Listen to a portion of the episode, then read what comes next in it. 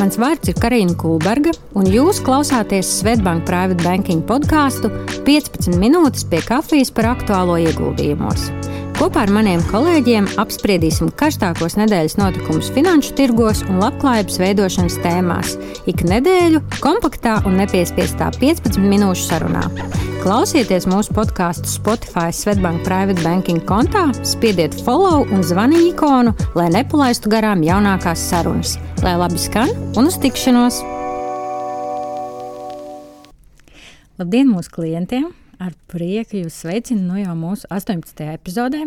Šodien ir 1. septembris, un es šodienas podkāstu ierakstu sērijā esmu kopā ar savu kolēģi, vecāko privātbanķieri Sergeju Lavaru. Sergej, čau! Čau! Pagājušo reizi mēs runājām par dažādām aktīvu grupām, un eh, Sergejs iedziļinājās tajā, kāda vērtība ir iekļauta zelta, ja es pareizi atceros mūsu ieguldījumu portfeļos. Jā. jā, bet eh, šoreiz mēs gribam aizsākt tādu nelielu ciklu, pie kā atgriezīsimies vairāk kārt savā, savā podkāstā, līdzīgi kā mēs ar Mārtiņu ik mēnesi runājam par um, finanšu tirgu rezultātiem, kādi tie ir un apskatām iepriekšējo mēnesi.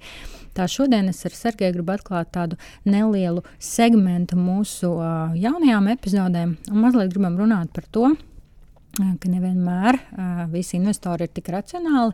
Gribam izcelt pāris no aspektiem par to, ko ir novērojuši gan zinātnieki, skatoties šo efektu vai šiem uzvedības finanšu efektiem. Un šodien parunāšu gan es par dažiem no tādiem efektiem, gan arī Sergejs. Minēsim arī tos piemērus, kā tie izskatās reālajā dzīvē, lai mēs neapskatītu tādu teoriju. Jo nu, galu galā, protams, no tādas tradicionālās finanšu teorijas. Uh, uzskatiem varētu teikt tā, ka tie pieņēmumi visi ir veidoti uz to, ka ir šie racionālie tirgus dalībnieki, mēs visi, kuriem ir pieejams perfekts, perfekta informācija, un ka mēs spējam pieņemt lēmumus balstoties šās informācijas, atnāk jauna informācija, mēs tad to apstrādājam un uh, izrēķinam savu liederību un pieņemam kādus citus lēmumus. Vienlaicīgi nu, mēs varam redzēt, ja viss tik brīnišķīgi strādātu, tas nozīmētu, ka brīžos, kad uh, tirgi ir lejā, daudz no mums investētu un izmantotu šo iespēju. Tad, kad tirgi būtu augšā, mums teorētiski pareizi būtu no tirgiem iet ārā vai respektīvi pārdot savas pozīcijas, bet nu, ko mēs redzam ik reizi, katru reizi, kad tirgi krīt, cilvēki iet, iet no viņiem ārā, iespējams, visneizdevīgākajos mirkļos. Un būtībā arī tad, kad tirgi ir augšā, mēs pērkam klāt un, un, un vēlamies papildināt savas pozīcijas. Nu, droši vien tas lielais jautājums jau vairākus gadus desmitus ir bijis tas, kāpēc mēs tā rīkojamies, un vai šīs rīcības var kaut kādā veidā nu, tā, pats sevi novērot, un reizēm iespējams arī viņas ir gan pozitīvas, bet nu, kaut kā nokontrolēt un saprast, vai ir kaut kādas lietas, ko mēs varam darīt, lai to uzlabotu. Un visa šī joma, ko mēs mēģināsim šajā podkāstu sērijā aptvert, viņa saucās tiešām šīs uzvedības finanses. Tur ir divi tādi, nu, vismaz divi brīnišķīgi pētnieki, kas ir Daniels Kahnemans un Ričards Tālers, kur ir, starp citu, Daniela Kahnemana dažādi podkāsti arī joprojām ir pieejami. Ļoti, ļoti iesaku man pašai ārkārtīgi īstenībā interesanti viņu, kla viņus klausīties. Kas tad, tad sāka runāt par to, ka ir vēl ļoti daudz citas ietekmes, kas ir mums, tad, kad mēs pieņemam lēmumus, tā skaitā uz ieguldījumiem. Tās var būt emocionālas, tās var būt ļoti sociālas, un respektīvi atkarīgs no tā, kādā sociālā slānī mēs esam Un, kad ir nepieciešams, nu, viņas, viņas atpazīt. Um, Tātad būtībā tas, par ko viņi arī runā, man liekas, ka tāda viena teorija, ir ļoti interesanta vēsta par to, ka dienā katrs no mums pieņem kādus apmēram 35,000 dažādus lēmumus vai izvēles. Un tādā pilnīgi racionālā cilvēka skatā tam būtu jānotiek tā, ka par katru šo izvēli mēs paskatītos, kāds varētu būt rezultāts, kāda ir tā iespējamība, visu to galvā sarēķināt un tad izvēlētos visliederīgāko. Bet, protams, ir skaidrs, nu, ka tas tīri fiziski nav iespējams. Līdz ar to tas, ko pētnieki saka, ka īstenībā 95% no lēmumiem ikdienā mēs pieņemam, izmantojot tādus kā īsceļus, savas iepriekšējās pieredzes, savas iepriekšējās emocijas, savus iepriekšējos dažādus uzskatus. Un tā vietā nu, aizstājot visu šo sarežģīto lēmumu pieņemšanu. Un īstenībā jāsaka tā, ka arī finanšu pasaulē, arī ieguldījumu veikšanā, protams, vienmēr jūs skatīsieties jebkuru grāmatu, jebkuru nu, tādu teorētiskāku apskatu par to, kā mums vajadzētu pieņemt tos lēmumus, mums vajadzētu saprast savu risku toleranci, mums vajadzētu apskatīt visus tātad, prospektus dažādiem ieguldījumu veidiem, izanalizēt, paskatīties visus iespējamos grafikus. Nu, mēs zinām, ka daži no mums to dara, bet ir arī dažādi šie īst, īsceļi, ja, kas mūsu racionālo prātu tajā brīdī aizved kaut kur citur.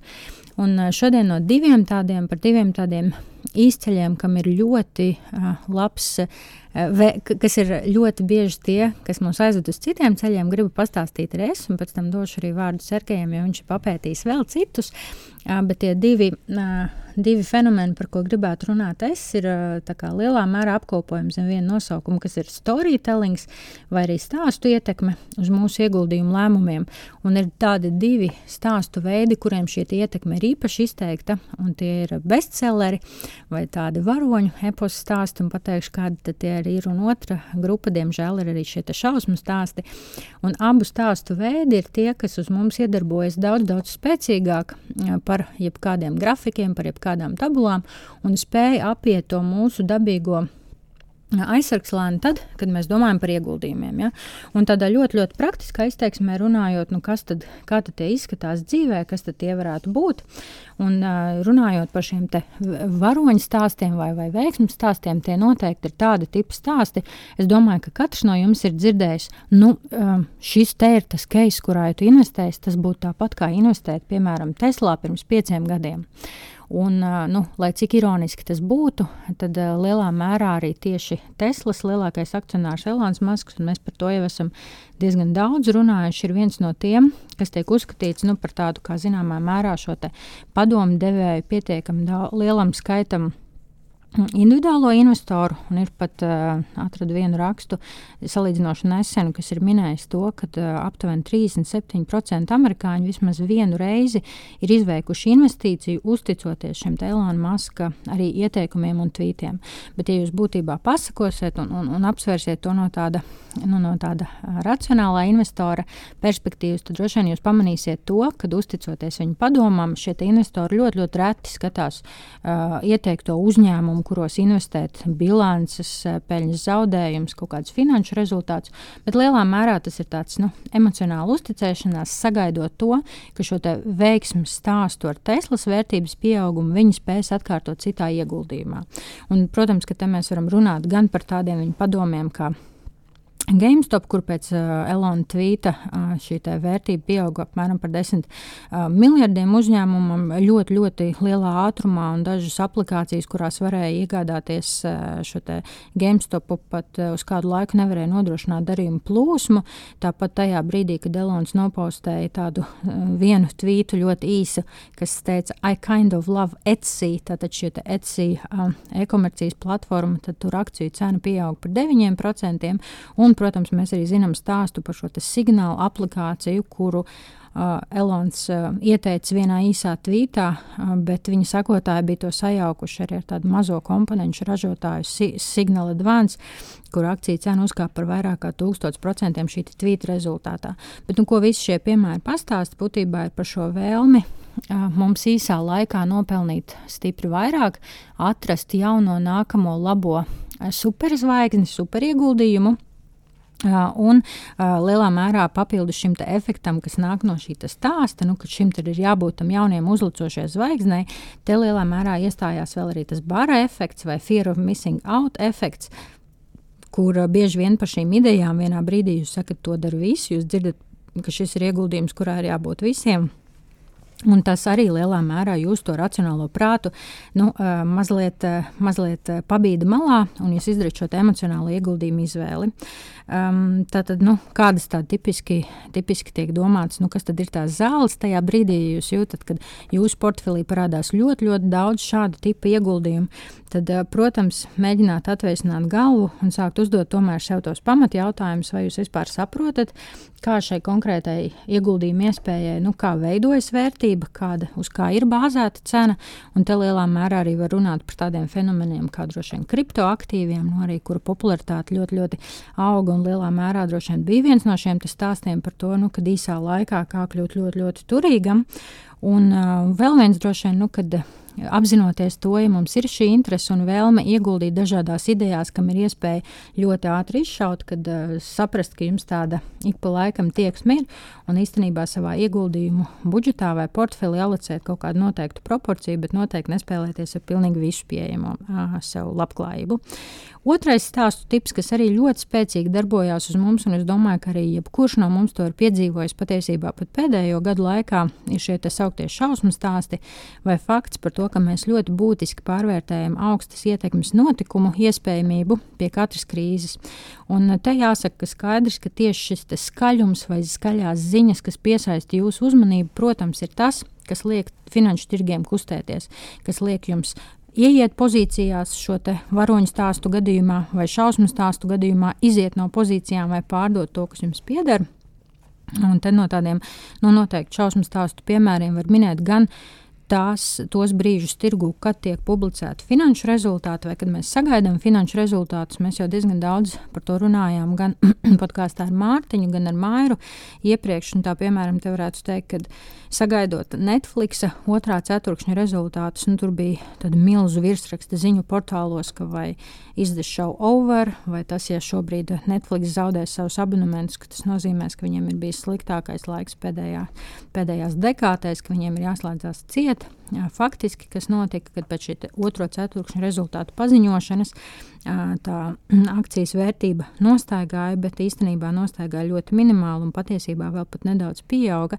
Tad šī milzīgiem troksnim, milzīgai skaņai varbūt nebija nemaz tik liela efekta finālā uz akciju vērtību. Nu, es domāju, tāpat mēs ļoti labi varam arī atcerēties par pēdējiem diviem gadiem, Covid gadiem, nu, kad arī šiem šausmu stāstiem visiem tā tipiskā Varbūt tas narratīvs vai tas stāsts ir tajā, ka nu, šoreiz viss ir pilnīgi savādāk. Pasaule ir pilnīgi mainījusies, viss, kas ir bijis iepriekš tam, vairs nav nekādas vērtības. Ja? Bet, protams, kaut kādā brīdī ir, iestājās šis piereduma efekts. Tāpat mēs varam teikt, mēs to noteikti redzējām Covid laikā, kad nu, sākuma mēnešos tad, tad arī tirgi norēģēja ļoti, ļoti asi, uh, meklējot, nu, kāda, kāda tad iztīsies tā nākotne, pazaudējot kaut kādas savas veidus, kā mēs varam prognozēt nākotni. Bet pamazām attīstoties situācijā, patiesībā ieraudzījām to, ka ir virkne nozaru, kas spēj tam piemēroties ļoti, ļoti pat veiksmīgi, un kuru biznesa modeļi bija no tā ieguvēji. Nu, kā arī, protams, sapratām, kur ir tie, kuriem šādā, šādā vidē strādāt ir grūtāk. Tad, tad gan, vienā, gan, gan vienu, gan otru stāstu gadījumā noteikti liela nozīme ir tam, vai mēs spējam tajā mirklī, kad mēs esam uh, emociju pārņemti, uh, uzdot sev šo jautājumu, vai, vai šis ieguldījums tiešām atbilst tādai manai ilgtermiņa stratēģijai. Uh, tādā gadījumā ir ļoti daudz šausmu stāstu, vai tiešām šis ir tas brīdis, kad es vēlos savu naudu, nu, respektīvi, ņemt ārā no šiem ieguldījumiem, vai no viņiem iziet, viņus pārdot. Kāds bija mans oriģinālais plāns tajā ieguldot?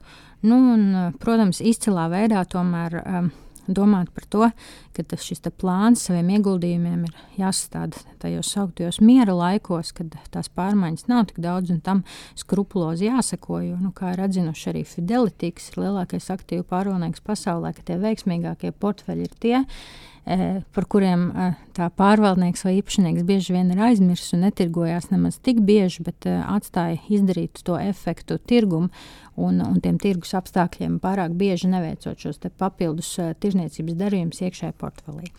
Nu tā, tie bija tie divi mani stāstu veidi, par, grib, par kuriem gribēju pastāstīt es. Tagad došu vārdu Sergejam. Zinu, ka arī viņš ir apskatījis pāris no šiem uzvedību finanšu piemēriem. Pastāsti, kas nāca prātā tev domājot par šo efektu. Nu, jā, te nevar nepiekrist eh, tevis teiktajam, ka investori tiešām rīkojas iracionāli vai tikai dažreiz, bieži vai vienmēr. Eh, tas ir cits eh, jautājums, bet tas ir fakts, ka neracionāla uzskati un uzvedība, nu, vai arī vienkārši emocijas neapzināti ietekmē lēmumu pieņemšanas procesu. Jo, nu, kā savādāk izskaidrot, piemēram, kāpēc akciju cenas atšķiras no to fundamentālas vērtības, Protams, zinu, jā, ka akcijas cena vienmēr atspoguļo ne tikai uzņēmuma pašreizējos finanšu radītājus, bet arī uzņēmuma nākotnes perspektīvas, investoru gaidas attiecībā uz konkrēta uzņēmuma attīstības, spēļņas potenciālu, kas nu, kaut kas ir teorētiski ciparos mērāms, bet neapšaubāmi uzvedības aizspriedumi, es tā pārtulkoju, jo angļuiski tas ir behavioral biases, ja, arī ļoti ietekmē investoru uzvedību. Jo gala gala prognozes tas jau ir daļēji subjektīvs nākotnes notikumu vērtējums, manuprāt. Un uz tās bāzes, starp citu, arī balstās ieguldījumu stratēģija, angļuiski value investing, nu, kas varētu būt ieguldījumi vērtības vai nenovērtētas akcijas, kas pārēdz, ka tirgus dalībnieki pārspīlēti reaģē gan uz labām, gan uz sliktām ziņām, un uh, rezultātā akciju cenu izmaiņas neatbilst uzņēmuma patiesai ilgtermiņa vērtībai. Ja? Un, tad, nu, šie investori, izmantojot fundamentālus aprēķinus, cenšas gūt peļņu no tās starpības, kas rodas dēļ tā skaitā citu tirgus dalībnieku iracionālas uzvedības. Un, ja jau mūsu lēmumus šajā uzvedības aizspriedumi var viegli ietekmēt, tad nu, investoriem ir vienkārši vērts šos aizspriedumus identificēt, ņemt tos vērā, pieņemot ieguldījumu lēmumus. Gatavojoties šai epizodei, tu man palūdzi pastāstīt par kaut kādiem tādiem izplatītākajiem aizspriedumiem, kuru ir daudz, un par citiem, ka tu teici, ka ir plāns eh, būt vērts pastāstīt nākamajās epizodēs, bet viens no līderiem, kas ļoti bieži ietekmē uzvedību, Uh, ir, protams, bailes no zaudējumiem. Angliski loss aversion bias. Jā, protams, tāpēc, ka nu, skaidrs, ka mums visiem kopumā nepatīk zaudēt, uh, Un, ja, bet, ja jau runā par ieguldījumu, tas ir par mūsu naudu, nu, tad ļoti bieži fokus radikāli pāriet uz to, lai izvairītos no zaudējumiem, nevis gūtu peļņu. Ja? Mēs par šo arī iepriekš runājām, ka teorijā pat pasaka, ka cilvēkiem mēdz izjust zaudējumu sāpes daudz intensīvāk nekā prieku par līdzvērtīgu ieguvumu. Līdz ar to nav nekāds brīnums, ka joprojām daļa cilvēku uzskata, ka ieguldījumi finanšu tirgus ir drīzāk saistīti ar risku, nevis ar iespēju. Jo nu, brīžiem tiešām finanšu tirgi piedzīvo korekcijas un cenu kritumus, un daudziem tieši dēļ tas īpašības pārlieku fokusēties uz negatīvām ziņām, finanšu tirgi asociējas ar risku zaudēt naudu. Kas uz sitienu liekas, nu, tā būt piesardzīgam, kas tā ir slikts. Bet patiesībā dažreiz mēģinot izvairīties no potenciāliem zaudējumiem, investors nepamanā, ka realitāte viņš var zaudēt pat vairāk, nu, vai vismaz neizmanto iespēju nopelnīt vairāk. Tad, ja mēs uh, sakām un klausāmies tikai tajos šausmu stāstos, ka visu laiku viss kritīs, rīt atkal būs sliktāk kā vakar, tad mēs mm -hmm. būtībā pazaudējam to ilgtermiņa iespēju augt kopā ar tirgiem un arī tai mūsu labklājībai uh, augt ar tādu pašu, kaut vai mērenu, bet labu pieaugumu. Jā, mm. fokusējamies uz tām sliktām ziņām. Jā, un, un es tā domāju, nu, kā tas losa vēršana aizspriedumus izpaužās un, un, un, un izcēla tādus trīs galvenus uzvedības veidos. Uh, Un jāapsaka, ka diemžēl visi trīs nu, vai nu ir slikti, vai nav optimāli. Jā, jo pirmkārt, investori no paša sākuma jau izvēlās daudz konservatīvāku stratēģiju, nekā viņiem ļauj viņu ieguldījumu horizonts, riska apetīti, ieguldījumu mērķis. Jo investora vēlme mazināt risku ir saprotama, jā, bet salīdziniet, es domāju, jebkura ieguldījuma instrumenta konservatīvais vai aktīvas stratēģijas ienesīgumu nu, pēdējos 5-10 gadus. Atšķirība, ticiet man, ienesīguma būs ievērojama. Tā ir neiegūta peļņa dažu desmit procentu apmērā pat pēdējos piecus gadus. Tur tiešām runa ir par desmitiem procentu jau pat tagad ar visu to kritumu šogad. Nemaz nerunājot, ka cilvēki izvēlas neieguldīt vispār, it kā maksimāli cenšas izvairīties no potenciālajiem riskiem. Vai iz, izvēlas ieguldīt, piemēram, nu, bankas depozītā. Skaidrs, ka pašreizējā augstā inflācija pat ļoti samazinās šo uzkrājumu reālo vērtību, un turpretī, kā mēs zinām, arī iepriekš runājām, piemēram, ieguldījumi finanšu tirgus, akcijas, ilgtermiņā ir viens no labākajiem līdzekļiem cīņai pret inf inflāciju. Ja? Un tātad investori dēļ savas iracionālas uzvedības neiegūst peļņu, un pie tam vēl viņa uzkrājuma reāla vērtība samazinās dēļ citiem faktoriem. Otrakārt, Šādi investori mēdz pārdot savus ieguldījumus tad, kad iegādātu vērtspapīru cenas būtiski samazinās. Nu, lai izvairītos, kā viņiem šķiet, no vēl lielākajiem zaudējumiem. Skaidrs, ka šajā gadījumā investori zaudē vienkārši iespēju atgūt savu naudu vēlāk, kad noskaņojums tirgos sāks uzlaboties, jo viņi jau it kā nu, piefiksējuši zaudējumus, pārdodot īstermiņā iespējams, un tas ir ļoti bieži tā notiek zemākajā punktā vai tuvu tam. Ja investors vienkārši fokusēs uz tām emocijām, ko viņam sagada negatīvais ienesīgums, viņš nevar novērtēt situāciju ar vēsu pratu. Un, nu, nu, piemēram, viņam pieder kāda laba uzņēmuma akcijas, kurš ražo lielisku produktu, bet nu, vienkārši tajā brīdī tirgu kopumā noskaņojums ir negatīvs, jo arī citi tirgus dalībnieki pieņem emocionālus lēmumus. Varbūt tā ir laba iespēja tieši piepirkt klāt akcijas ar, ar atlaidi, ja? nu, bet investorai iracionāla uzvedība traucē viņam.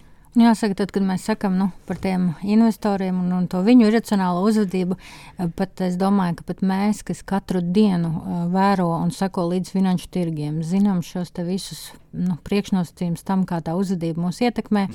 Arī tādā ļoti personiskā līmenī var, protams, teikt, ka nu, tā vieglā roka, ar kuru ik mēnesi teiksim, nopirkt un papildināt savu portfeli ar kaut kādām akcijām, viņa tādā sajūtu līmenī ir faktiski daudz vieglāk tad, kad tā akcija kādu laiku ir kāpusi savā vērtībā, tad, kad ir kritums. Protams, ka tā vismaz īstermiņā ar gautu saprot, ka tas pirkums noteikti ir labāks, bet nu, savā ziņā emocionāli, protams, ka to lēmumu pieņemt ir, ir pilnīgi noteikti grūtāk. Un ļoti labi to sevi atzīt. Nu, un īpaši tiem, kas, domāju, ilgtermiņā investē, tad arī patiesībā tajā brīdī, kad atkal tā akcijas vērtība atgūstās vai uz portfeļa vērtība atgūstās, nu, ir labi atcerēties to brīdi, kad tajā vienā mirklī, kad bija tas kritums, ka tas bija emocionāli grūtāk, bet nu, tas bija labs un pareizs lēmums.